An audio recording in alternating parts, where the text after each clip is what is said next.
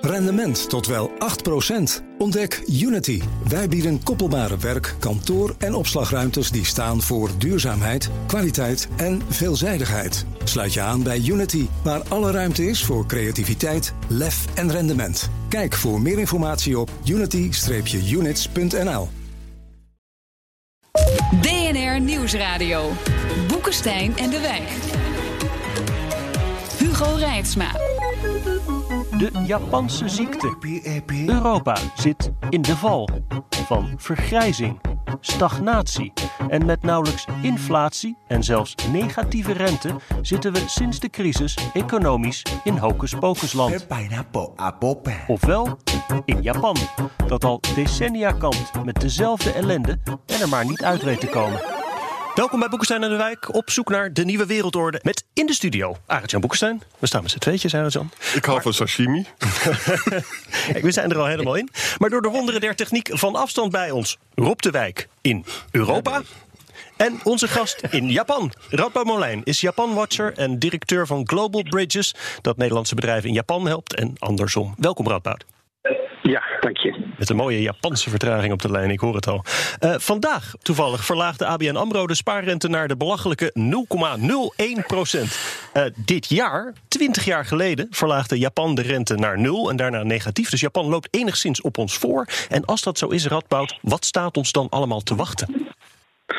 Ja, uh, goede vraag. Het bijzondere is wel dat Japanners nog steeds blijven sparen.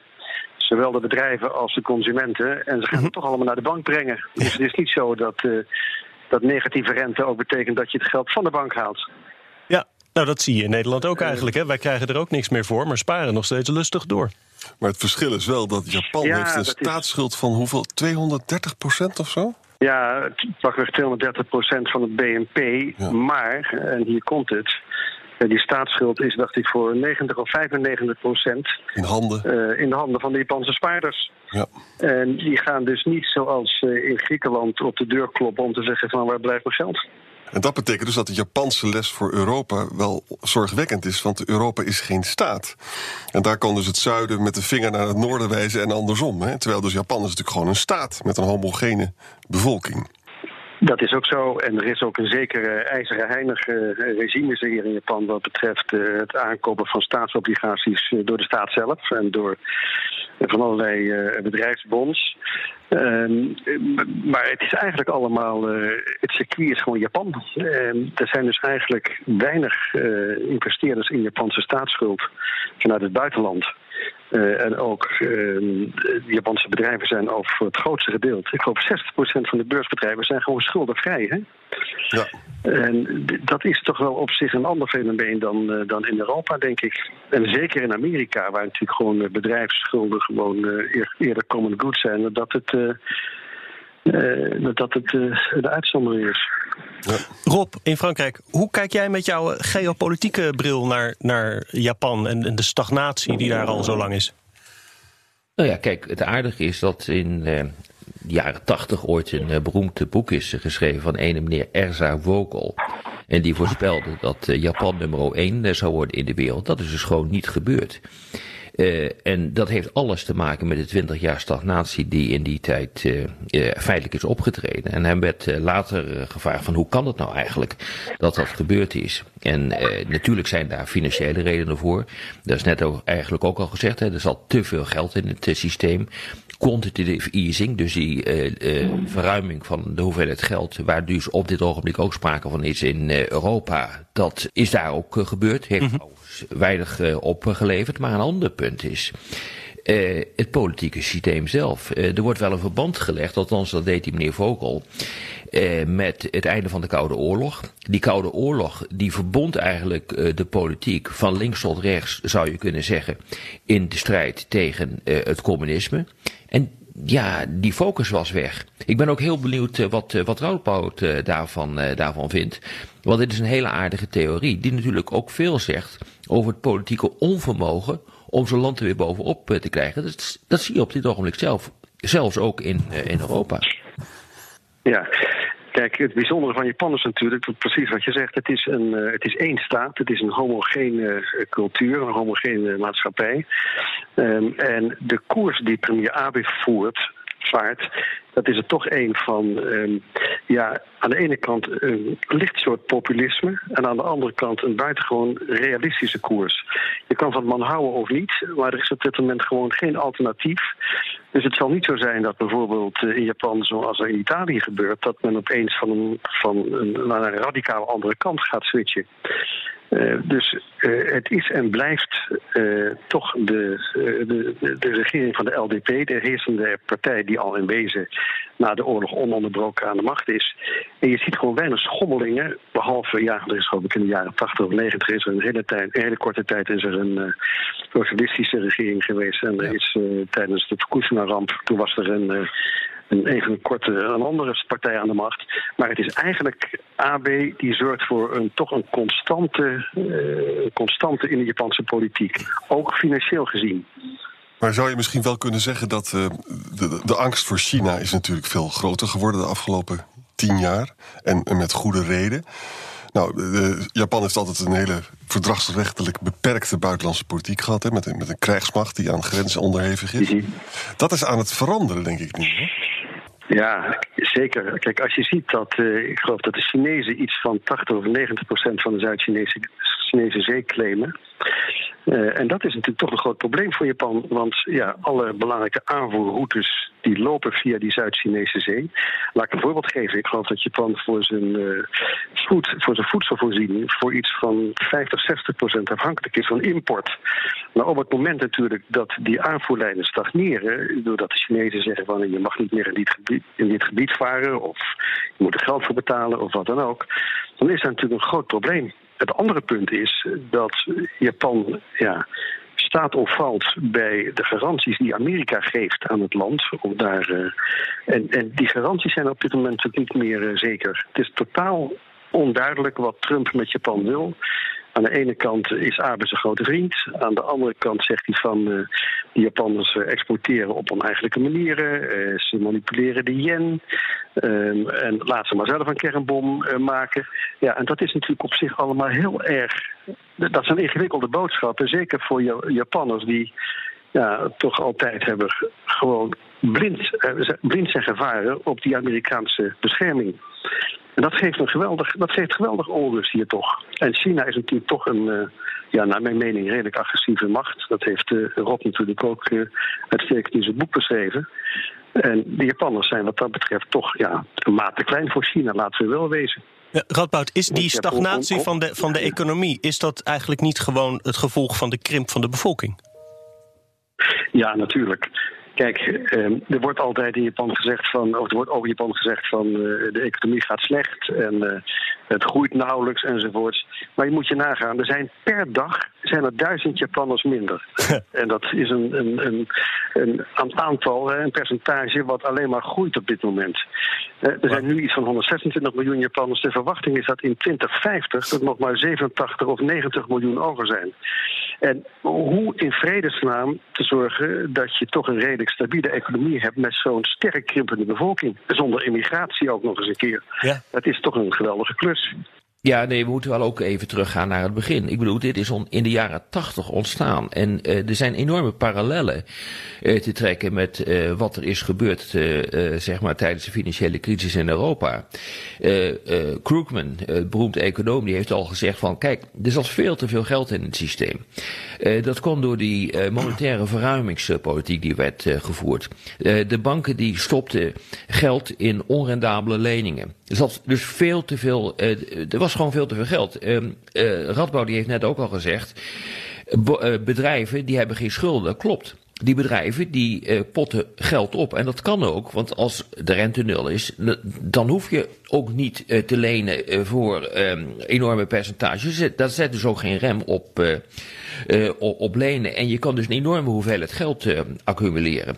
Er is te veel uh, bespaard. En in het begin van de jaren 90 uh, was er politieke turbulentie, is net ook gezegd. Dat is redelijk vergelijkbaar met wat er uh, in Europa is ja, gebeurd. Ja. met andere woorden, hier kunnen we wel wat van leren, denk ik. Ik denk overigens dat je, als je kijkt naar de, naar, naar de schuldenpositie van Japanse bedrijven, ja, nogmaals, hè, 60% is schuldenvrij. Maar als je dus kijkt wat die bedrijven op de, op de bankrekening hebben laten, banken hebben laten staan, dat is pakweg iets van 4 triljard dollar. Dat is bijna evenveel als het hele Japanse GDP samen. Dat zit er dus gewoon.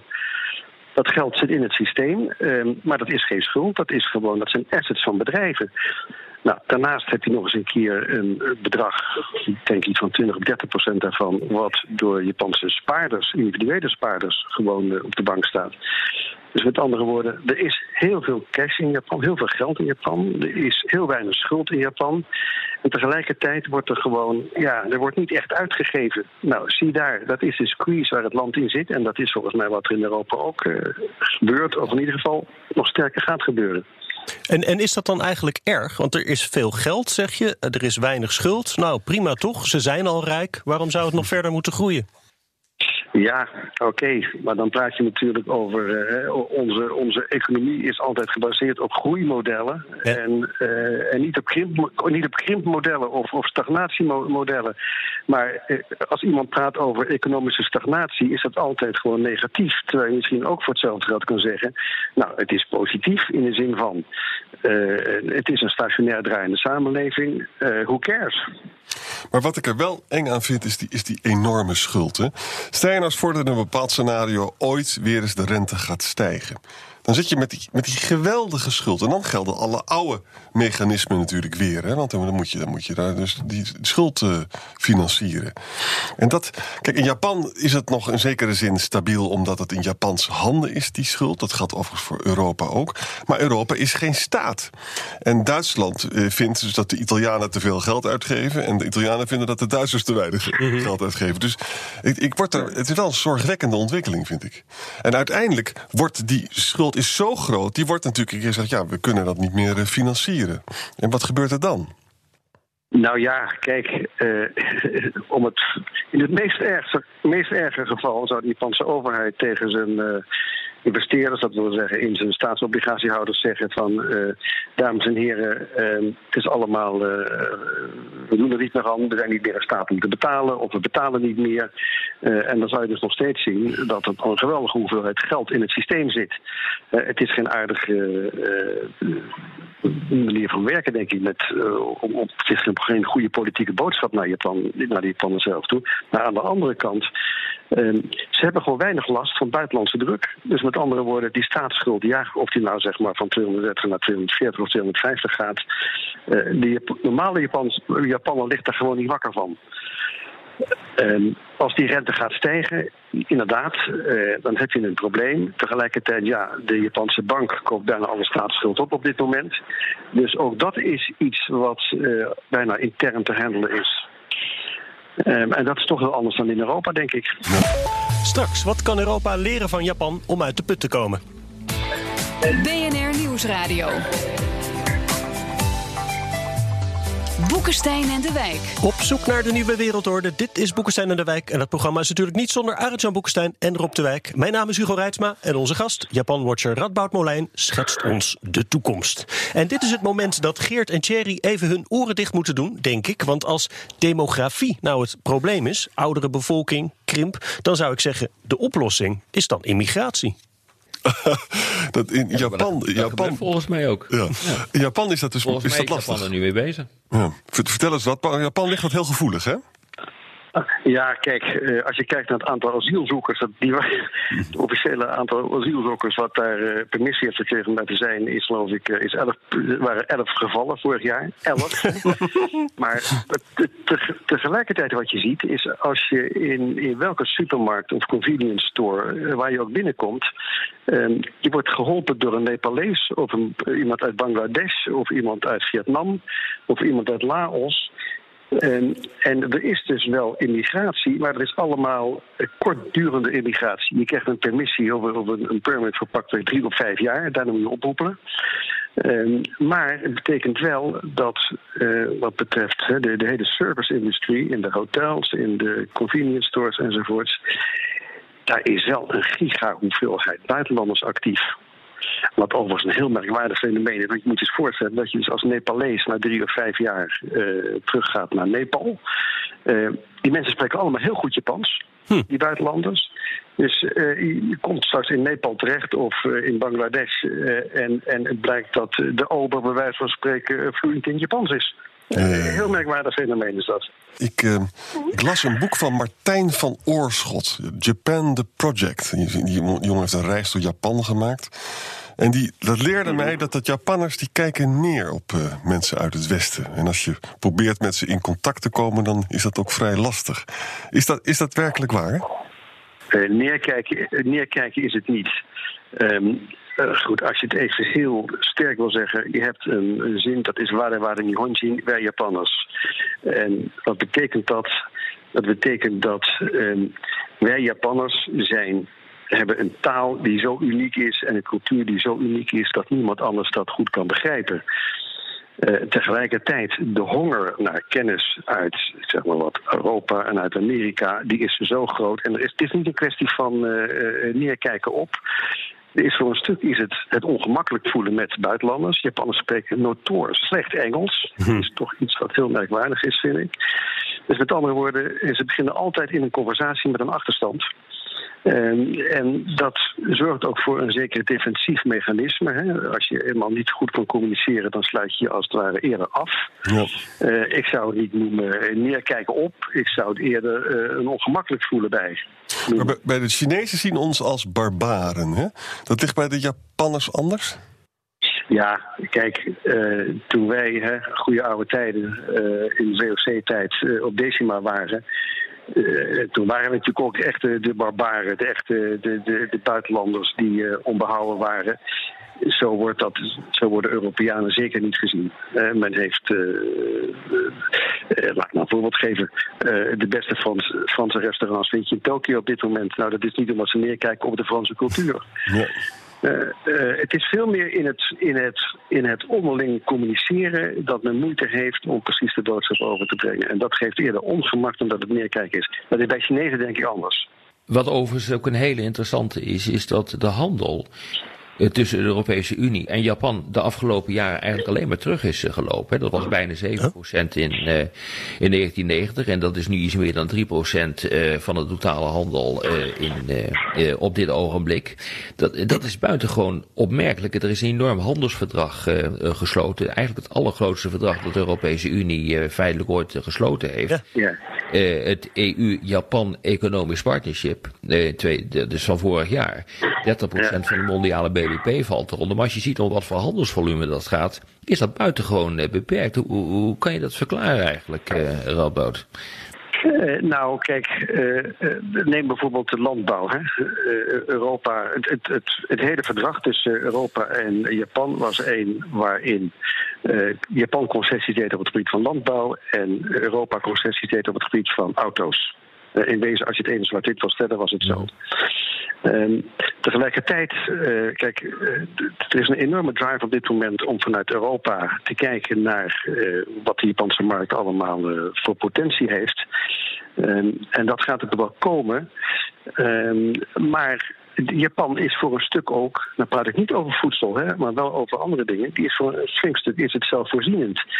Je kan het ook een beetje zien aan de investeringen van Japan in bijvoorbeeld uh, Vietnam en in Thailand en met name in China. In China zie je gewoon dat Japanse bedrijven zich terugtrekken uit China en hun hele fabrieken weer overzetten naar Japan onder het mom van A, uh, arbeid wordt te duur in China. Uh, B, uh, die Chinezen lopen met de technologie ervan door. En het volgende punt is, we kunnen beter automatiseren in ons eigen land. nou, oké. En dat betekent natuurlijk dat ja, die interne markt gewoon steeds belangrijker wordt ten opzichte van hetgeen wat je in het buitenland doet. Tegelijkertijd, ik denk dat Japan, zeker onder de, deze, het regime van meneer Trump, dat Japan zich veel uh, meer senang voelt met uh, Europa dan met andere delen van de wereld. Behalve misschien dan Zuidoost-Azië. Mm Ik verwacht wel dat die handel tussen uh, Japan en Europa de komende jaren gaat toenemen. Ook al omdat die, die, die, die tarieven die worden bijna allemaal afgeschaft op het gebied van landbouw, op het gebied van auto's enzovoorts. Um, en het zijn bijna partners die tot elkaar veroordeeld zijn. Hè? Als jij ziet dat China zo'n enorme economische macht wordt en je hebt een onbereikbare of onbetrouwbare Amerikaanse partner, dan is Europa wat dat betreft nog een baken van rust en, uh, en voorspelbaarheid. Maar geopolitiek is het niet onbelangrijk, omdat uh, ook Europa nu uh, driftig bezig is om een dam op te werpen tegen die al te grote Chinese invloed. En daar helpt dit Japanse partnerschap enorm bij. En we zullen denk ik zien de komende tijd dat de Europese Unie meer van dit soort dingen gaat doen. Hoewel er natuurlijk niet zoveel van dit soort enorme economieën in de aanbieding zijn, zal je zien dat er om China eh, tegen te gaan, eh, toch veel meer wordt samengewerkt met landen in, eh, in, in Azië.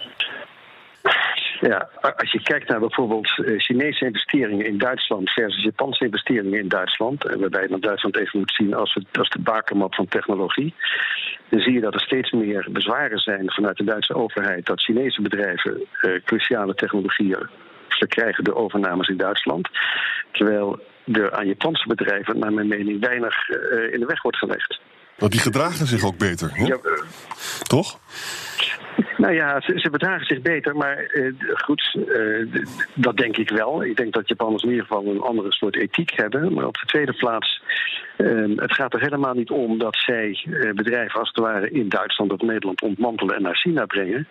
Het gaat erom dat, kijk, Nederland is een, een enorme uh, heeft een enorme aantrekkingskracht voor Japanse bedrijven. Zeker nu Brexit er is, om hier bedrijven over te nemen. Nou, dat gebeurt dan ook aan de lopende band op dit moment. Maar allemaal met het idee van jongens, we willen ook zorgen dat, die, dat onze investering in Europa blijft groeien. Als je kijkt naar de winstbijdrage vanuit bijvoorbeeld Europa en andere landen uh, in de wereld uh, in je, aan de Japanse bedrijven, dan zie je dat een steeds groter deel van de winst komt uit royalties, licenties enzovoorts. Mm. Um, en dat is dus in een krimpende markt in Japan, waar dus zeg maar de binnenlandse markt aan stagneert probeert men door zijn technologie uh, of door bedrijven te kopen en vervolgens zeg maar, daar technologie aan te verkopen, om via licenties en royalties uh, de winst op peil te houden. Dat is op zich ook een, naar mijn mening, een nieuw fenomeen.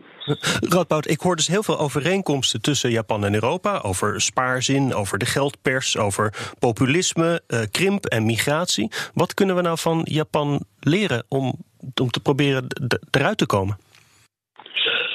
Um, ik denk dat uh, om te beginnen uh, probeer krimp te, krimp te voorkomen in de zin van dat je gewoon steeds met minder uh, Europeanen te maken hebt. in Europa, nogmaals, Europa groeit nog steeds, ondanks het feit wat je zegt dat Oost-Europa, dat de bevolking misschien krimpt. Het, Nederland is nog steeds een, een land wat qua bewonersaantal groeit.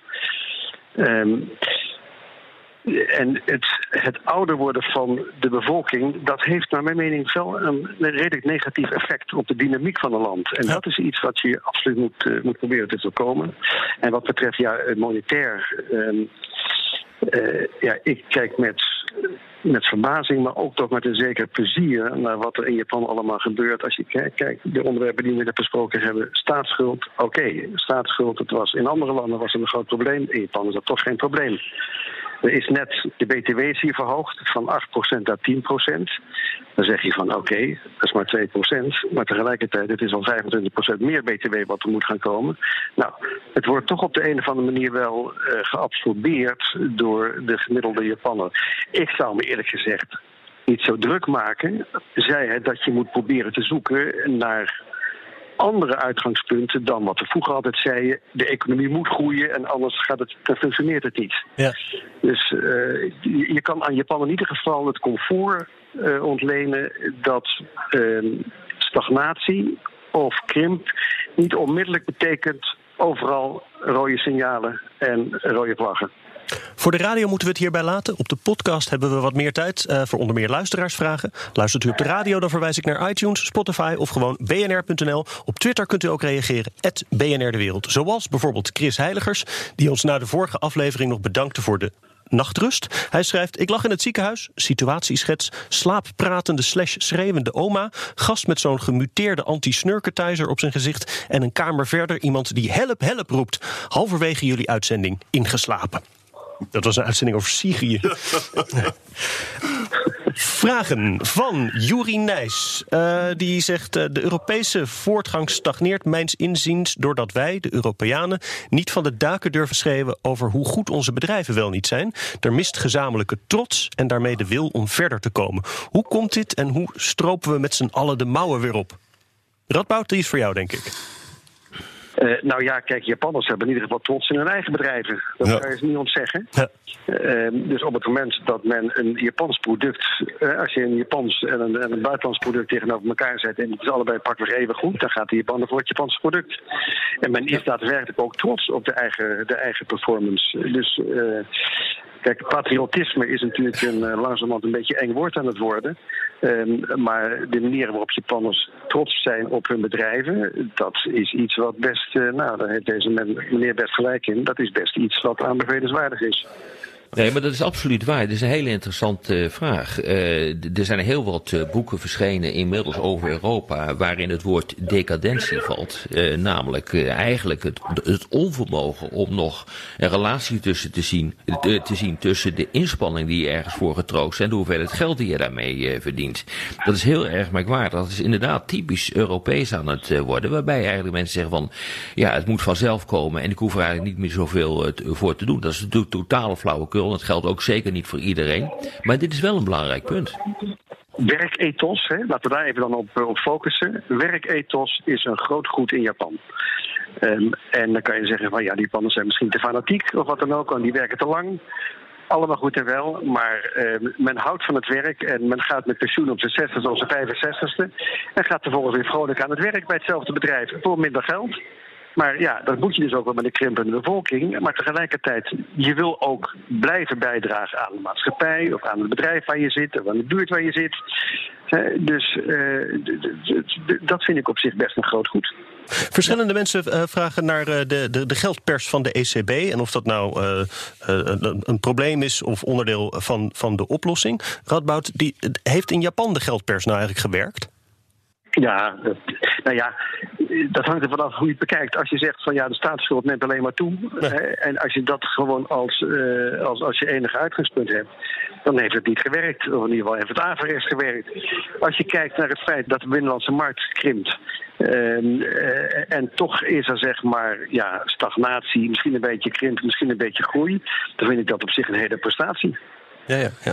Joris ten Berg die vraagt: Heeft Japan eigenlijk last van die stagnatie? We hadden het hier al over. Als je, als je het bekijkt met de bril van welzijn in plaats van welvaart. Het is natuurlijk nog steeds een, een prettig land om te leven, eigenlijk. Ja, um, net als zeg maar bij ons, maar in Japan dus nog veel sterker, omdat die bevolking sterker krimpt en sterker vergrijst. Uh, nemen de kosten voor de, de, de gezondheidszorg en de ouderenvoorziening, die nemen natuurlijk gewoon dramatisch toe. Ja. en dat is natuurlijk ook deel van de, van de, van de, van de toe, toenemende staatsschuld. Uh, tegelijkertijd, hè, ik kom net nou van een trip uh, voor een project echt in het binnenland van Japan. Ja, het is allemaal welvaart. Hè? Iedereen rijdt in een auto. Uh, je ziet zeg maar toch weinig ellende op straat. Uh, eigenlijk helemaal niet. Ik heb nog nooit zulke volle schappen gezien als, als met name in, het, in, de, in de gebieden uh, buiten Tokio en Kyoto. Echt, dit is, een, is dat in een redelijk verlaten gebied. Maar ik, ik, heb foto's gemaakt van schappen van uh, de thermoflessen. Je weet niet hoeveel thermoflessen soorten je kan kopen in Japan. en dat is toch allemaal. Het klinkt, het klinkt een beetje raar, maar het is wel. Het zegt iets over het feit dat het een affluent society is. Maar is er ook geen spanning tussen de jongere en de oudere generatie? In de zin van dus dat de jongeren misschien niet meer. Kijk, ik heb wel, ik heb wel eens verdiept in Japanse werknemers. En die, die zaten op, op te scheppen dat ze elke avond tot 11, 12 uur doorwerkten. Ik bedoel, ik kan me voorstellen dat ook jonge Japanners zeggen van nou, ik ga een wat ander leven leiden dan wat papa altijd gedaan heeft. Dus zijn die spanningen er niet? Nou ja, ja, die zijn er natuurlijk wel. Uh, tegelijkertijd is de overheid die, die grijpt er ook redelijk in. Je hebt uh, twee of drie jaar geleden heb je een beroemd geval gehad van karoshi, zoals dat heet. Karoshi, dat is een ander woord voor dood door overwerk. En oh ja. dat was een uh, werknemer van, van Dentsu, van een groot reclamebureau, die geloof ik uh, vijf dagen of, of zo achter elkaar moest werken en geen uur slaap had. Nou, die is uit het raam gesprongen. En ik geloof dat nu bij overheidsinstellingen om acht of negen uur s avonds gewoon het licht uitgaat automatisch. Punt. Um, en je ziet ook dat steeds meer jongeren inderdaad zeggen van... nou, ik wil ook wel eens een keer thuis zijn. Overigens interessant, hè? als je kijkt naar de, OECD-statistieken... dan zie je dat op het gebied van blue collar... de productiviteit in Japan het hoogste is van alle OECD-landen white collar het laagste is van alle OECD-landen. En dat uh, white collar, dat is dus, zeg maar de service-industrie, maar dat mhm. zijn ook uh, de overheden enzovoorts. Daar is de productiviteit nog steeds notoor laag. En dat komt omdat Japanners, ook omdat ze ouder worden, steeds minder snel beslissingen nemen. Hè? Dus met andere woorden, je blijft uh, niet alleen maar. Uh, dus je blijft ook papieren rondpompen in een bedrijf, hè, tot iedereen het erover eens is. uh, en, en, en ja, dat is iets waar jongeren zich steeds meer tegen verzetten. Dat merk je wel. Ja. Maar dat zijn toch heel toch langzaam veranderende processen. Kijk, het is toch interessant wat er nu gebeurt, ook in deze discussie. Dat, als ik het goed begrijp, dan zit het grote verschil gewoon in de Japanse en in de Europese bevolking en in de politiek. Want wij worden totaal hysterisch van het eh, vooruitzicht dat het deflatie is. Eh, dat de staatsschulden hoog eh, zijn. Eh, dat, er, eh, dat er geen rente meer eh, is. dat er geen groei meer is. En in Japan lijkt dat gewoon redelijk goed op te vangen. er wordt gezegd, we houden niet van immigranten. En ondertussen zijn de restaurants vergeven van de immigranten met tijdelijke, met tijdelijke contracten. Dat is toch heel bijzonder. Dat is echt wezenlijk anders dan Europa hoor. Dus ik eh, vraag me dus ook werkelijk af wat wij nou precies kunnen leren uh, van die Japanse crisis. Misschien is dat wel veel meer een sociale les die je kunt leren over hoe je hiermee als bevolking moet omgaan. Maar de loyaliteit in Japan is natuurlijk veel groter dan in, in ja. intra-Europees. Dat is het grote verschil.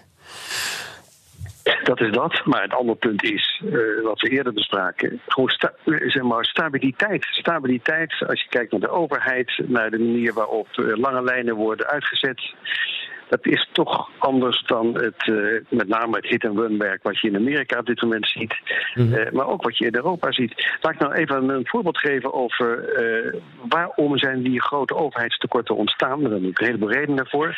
Maar één daarvan is dat in de jaren 80 en 90, toen de zaak aan het stagneren begon, die Franse overheid een geweldig hoeveelheid geld heeft gestopt in, in civiele werken. En ik noemde dat wel eens uh, de brug van ergens naar nergens en de weg van iets naar niets. Maar desalniettemin, het was werkgelegenheid. En tegelijkertijd, als je nou door Japan reist, het is een land wat gewoon, wat betreft infrastructuur, gewoon berengoed in elkaar zit. Nou, de, de, de flipside daarvan is natuurlijk dat het allemaal betaald is met overheidsgeld. En dat overheidsgeld heeft gezorgd voor een hogere staatsschuld. Oké, maar kijk ook naar het positieve, namelijk dat de infrastructuur gewoon echt uh, op orde is. Kijk naar de manier waarop uh, de, de, publieke infra, uh, transport is georganiseerd. Hè? Of het nou treinen of subways of wat dan ook zijn. Tadeloos. Allemaal tadeloos. Dus je kan blijven kijken naar stagnatie, deflatie uh, enzovoorts. Kijk ook wat, waardoor het wordt veroorzaakt. En ja, Japanners hebben nogmaals massaal geld gestopt in infrastructuur. Je vindt in het meest kleine stadje nog een prachtige concertzaal, die weliswaar niet wordt gebruikt, maar die is er wel. Uh, maar de infrastructuur is op orde. Ja, nou, laten we eens een keertje hoopvol eindigen met dit programma.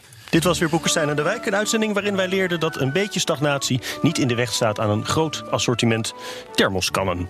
Namens Arends en Boekenstein en Rob de Wijk zeg ik dank voor het luisteren. Speciale dank aan Radboud Molijn en tot volgende week.